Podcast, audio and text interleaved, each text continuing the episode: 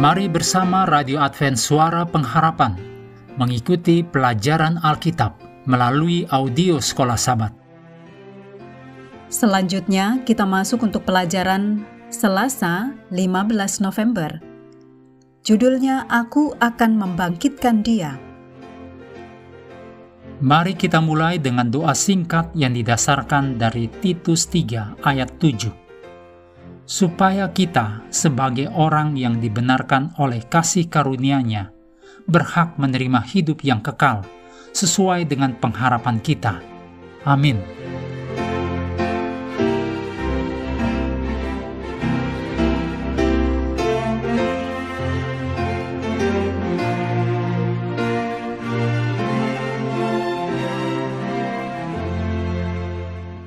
Di dalam salah satu mujizatnya, Yesus telah memberi makan 5.000 orang hanya dengan sedikit roti dan ikan. Dicatat dalam Yohanes 6 ayat 1-14, 5 roti dan 2 ikan. Menyadari bahwa orang banyak kemudian bermaksud untuk menjadikan dia sebagai raja. Dicatat dalam ayat 15, maka Yesus berlayar dengan murid-muridnya ke seberang Danau Galilea. Tetapi keesokan harinya orang banyak itu mengikuti Yesus ke sana di mana Yesus kemudian menyampaikan khotbahnya yang berkuasa tentang roti hidup, menekankan pada karunia kehidupan yang kekal. Dicatat dalam Yohanes 6 ayat 22 sampai 59. Dalam Yohanes 6 ayat 26 sampai 51, perikop mengenai roti hidup. Yesus mengaitkan karunia hidup kekal dengan kebangkitan terakhir dari orang benar. Di dalam khotbahnya, Yesus menyoroti tiga konsep dasar tentang hidup yang kekal. Pertama, Yesus memperkenalkan dirinya sebagai roti yang turun dari surga dan yang memberi hidup kepada dunia.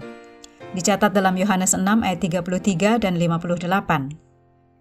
Dengan menyatakan bahwa akulah, dalam bahasa Yunani ego eimi, roti yang hidup, Yohanes 6 ayat 35 dan 48, Yesus menyampaikan dirinya sebagai Aku adalah Aku dari perjanjian lama di Keluaran 3 ayat 14.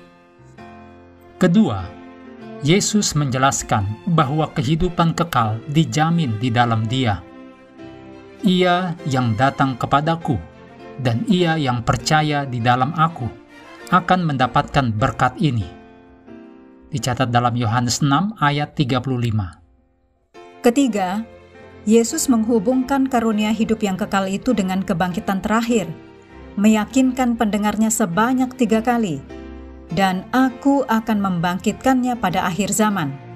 Dicatat dalam Yohanes 6 ayat 40, 44, dan 54. Yesus juga memberikan janji luar biasa ini.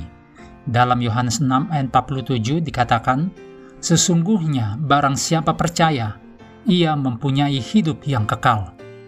Jadi, karunia hidup yang kekal sudah menjadi kenyataan saat ini. Tetapi ini tidak berarti bahwa orang percaya tidak akan pernah mati, karena ungkapan bangkitkan dia yang dicatat dalam Yohanes 6 ayat 40 mengandaikan hidup kembali setelah seseorang meninggal. Gambaran yang jelas tanpa Kristus, seseorang tidak akan memiliki hidup yang kekal. Tetapi bahkan setelah menerima Kristus dan memiliki jaminan hidup kekal, kita terus untuk saat ini menjadi manusia fana, dan karena itu tunduk pada kematian alami. Pada kedatangan yang kedua, Yesus akan menghidupkan kita kembali, dan pada waktu itu Ia akan memberikan kepada kita karunia hidup yang kekal yang sudah menjadi milik kita.